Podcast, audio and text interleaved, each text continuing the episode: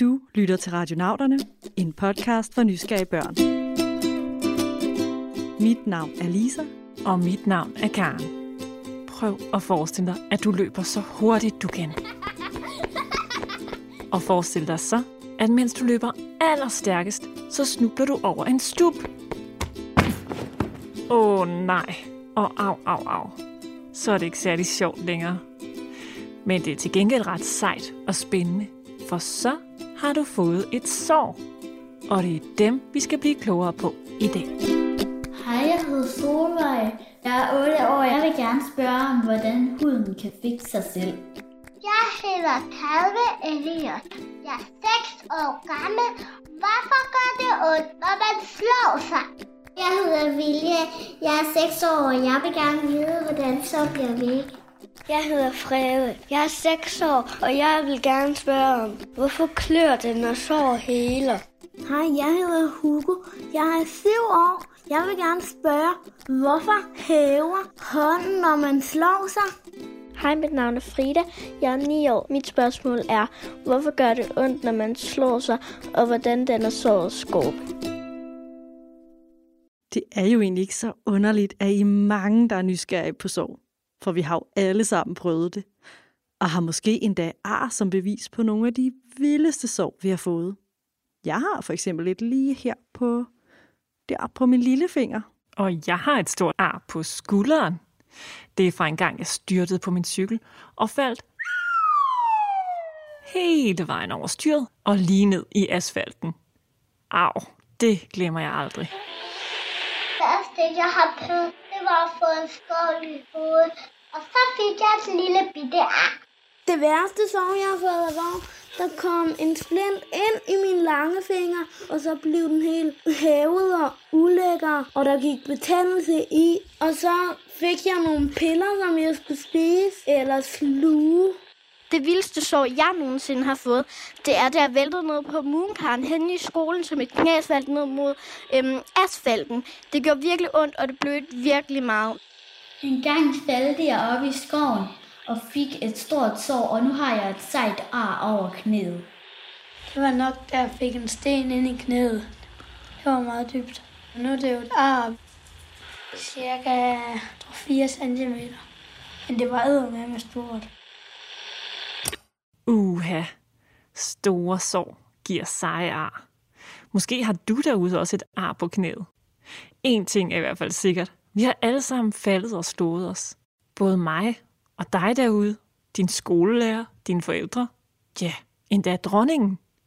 Og vores sårekspert Marete.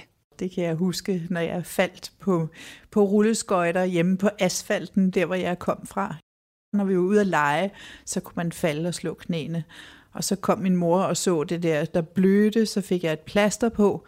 Det er nu ret lang tid siden, at Marete fik plaster på såret af sin mor. Men det er ikke lang tid siden, at hun har givet andre plaster på. Hun er nemlig sårsygeplejerske på et hospital, så hun bruger hver eneste dag på at putte plaster på sår. Og det har hun gjort i 25 år. Så hun har set flere sår end de fleste. Oha, der findes simpelthen så mange forskellige slags sår. Øh, jeg kan ikke tælle det. Det er simpelthen flere hundrede typer forskellige sår. Nævesår, snitsår, altså hvor man for eksempel skærer som en kniv. Au. Mm, og brændsår og skudsår. Ja, det var så dem, jeg kunne komme i tanke om. Men Merete kan simpelthen flere hundrede. Hold da op. Ja, det må du nok sige. Og øh, da Marete hun åbnede sådan en kæmpe stor bog, hun har om sorg. Det må være noget af det her i starten. Der var den. Så kan jeg altså godt afsløre, at jeg var lige ved at falde ned af stolen og besvime.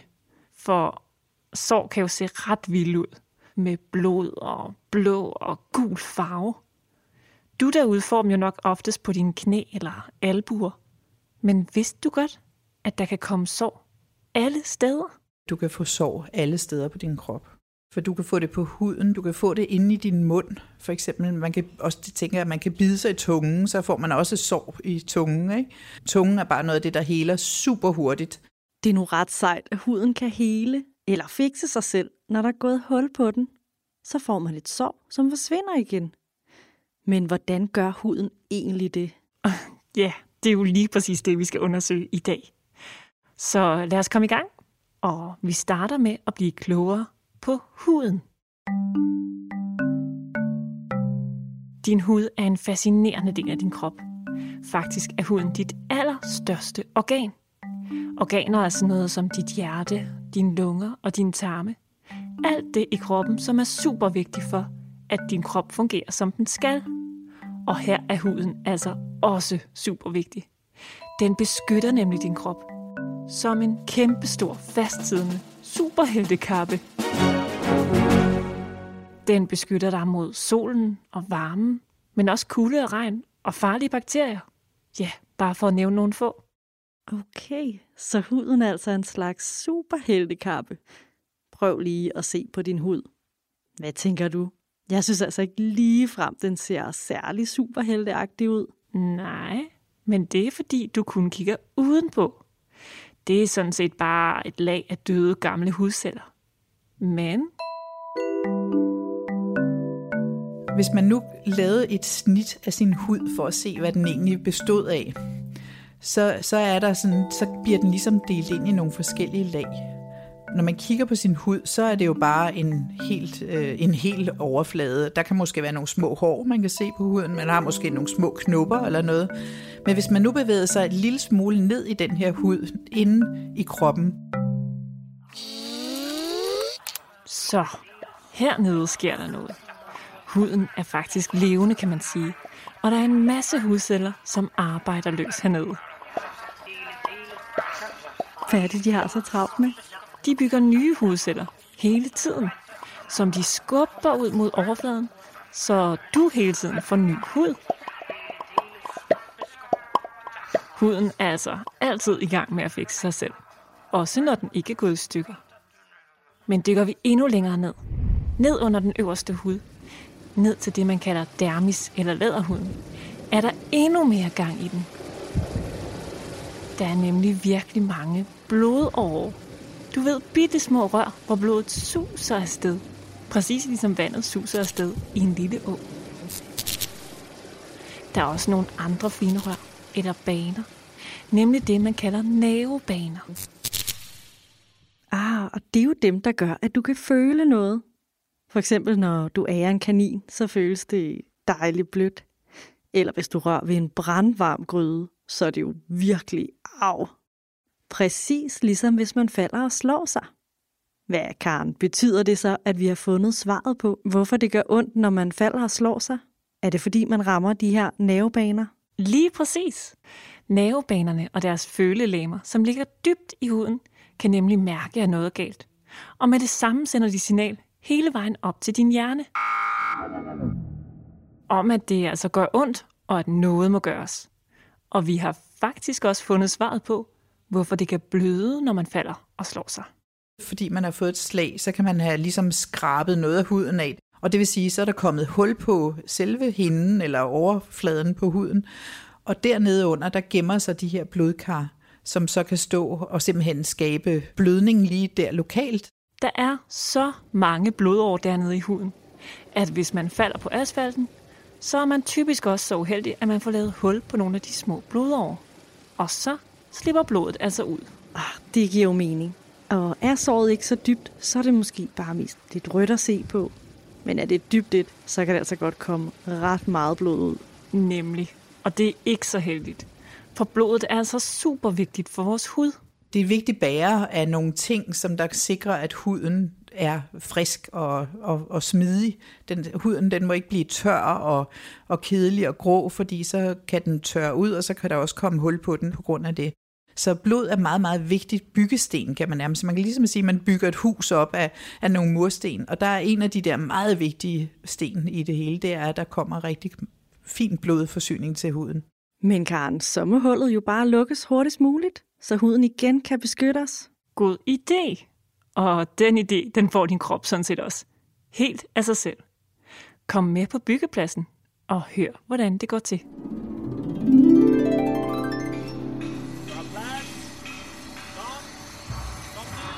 Du har nok set en byggeplads før. Der kan godt være sådan et stort hul nede i jorden. Og på den her byggeplads er der også et stort hul. Nemlig et sår, der går hele vejen ned gennem hudens lag. Oha, den er ikke god, den der, du. Det første, vi må gøre, det er at stoppe blodet. Tilkald trombocyterne. Nu arbejder alle på byggepladsen sammen om at stoppe hullet. Trombocyterne er en særlig del af blodet, som er vildt gode til at dække huller. Imens de arbejder på det, trækker blodårene sig sammen, så mindre blod kommer igennem. Trombocyterne er små, men de er mange, og de er vildt gode til at sætte sig sammen og lave en stor plade, som dækker hullet til. Sådan. Nu er hullet lukket med en flot såreskorpe. Godt klaret, venner. Så skal vi have stilladset op. Tilkald fibrinen. Pladen eller skorpen gøres nu endnu mere stabil af et protein, der hedder fibrin.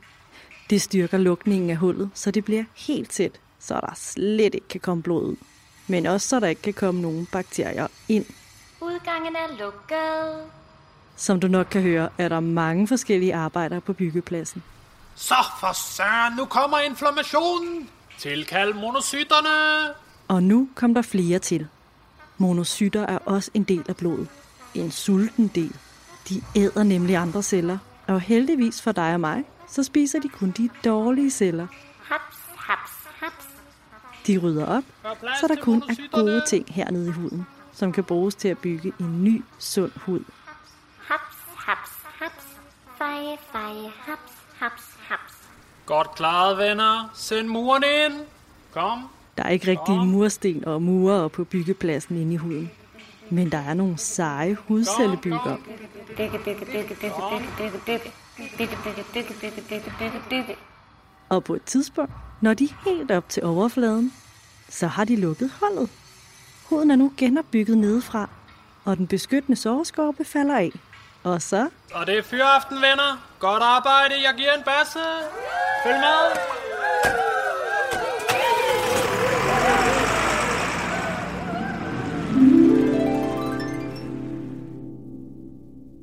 Det er altså den vildeste byggeplads, der er under din sovskorpe. Mens arbejdet foregår, så kan du godt opleve, at det gør lidt ondt. Det kan også klø, fordi naverne vil gøre dig opmærksom på, at der sker en hel masse i det her område. Og så kan stedet der, hvor du har slået dig, altså også godt hæve op og blive lidt tykt, som Hugo også spurgte til.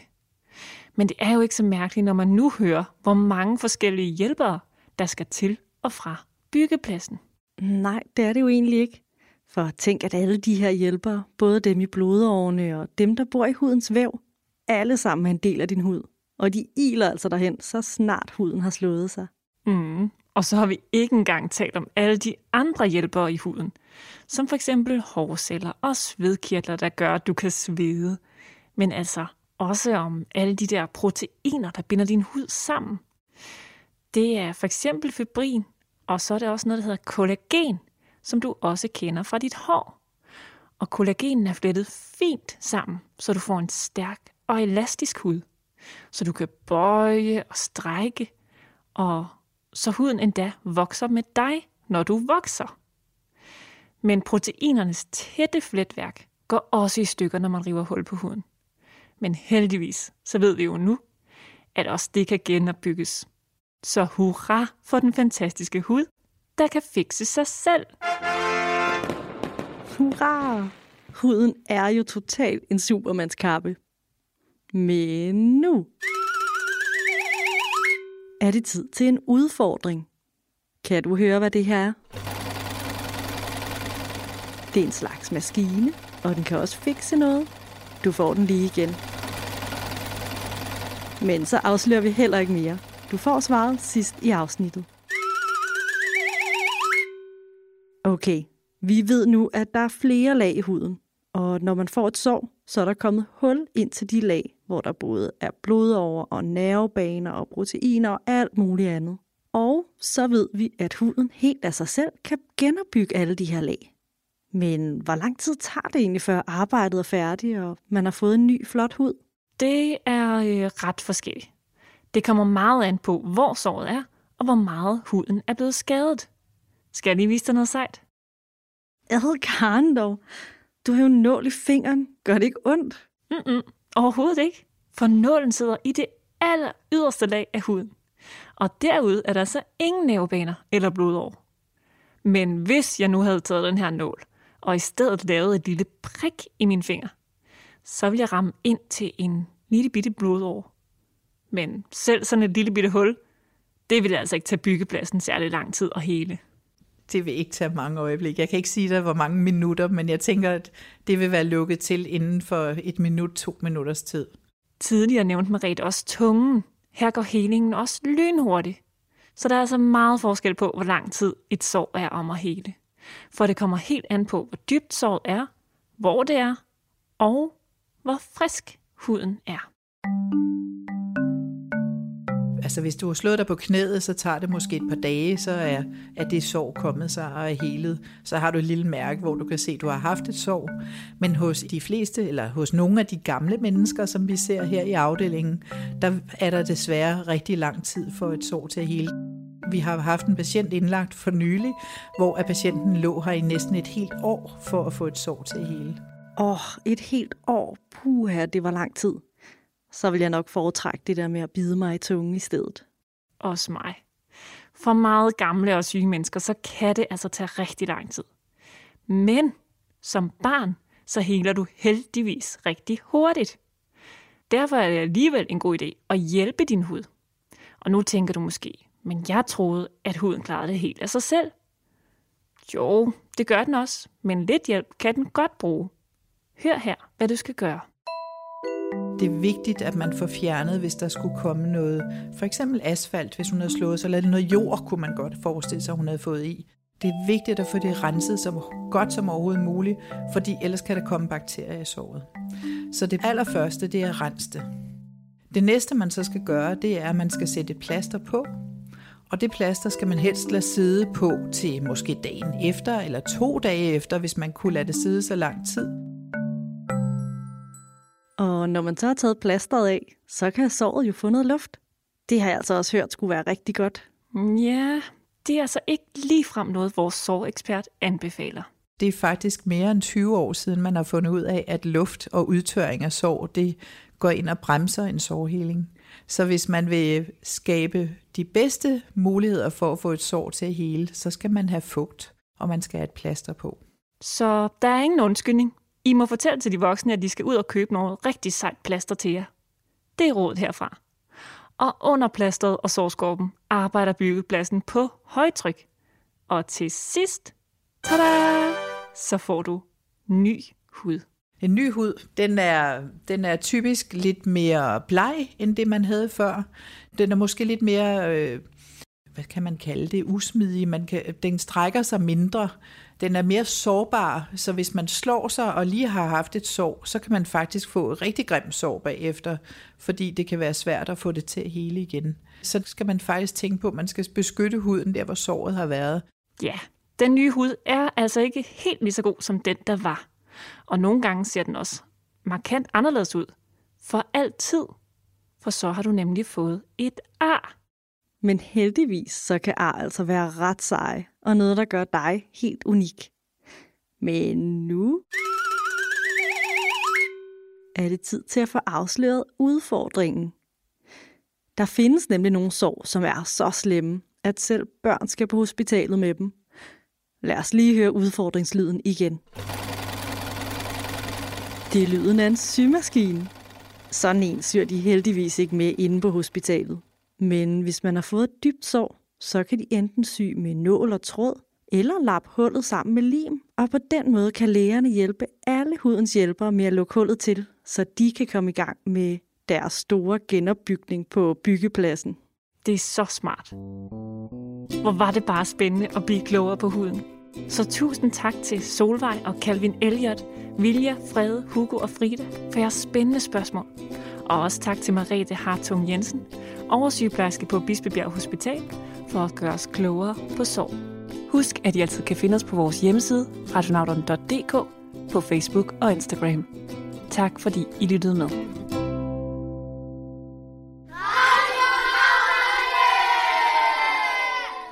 Radionauterne er produceret af Karen Bryl Birkegaard og Lisa Bay med støtte fra Novo Nordisk Fonden.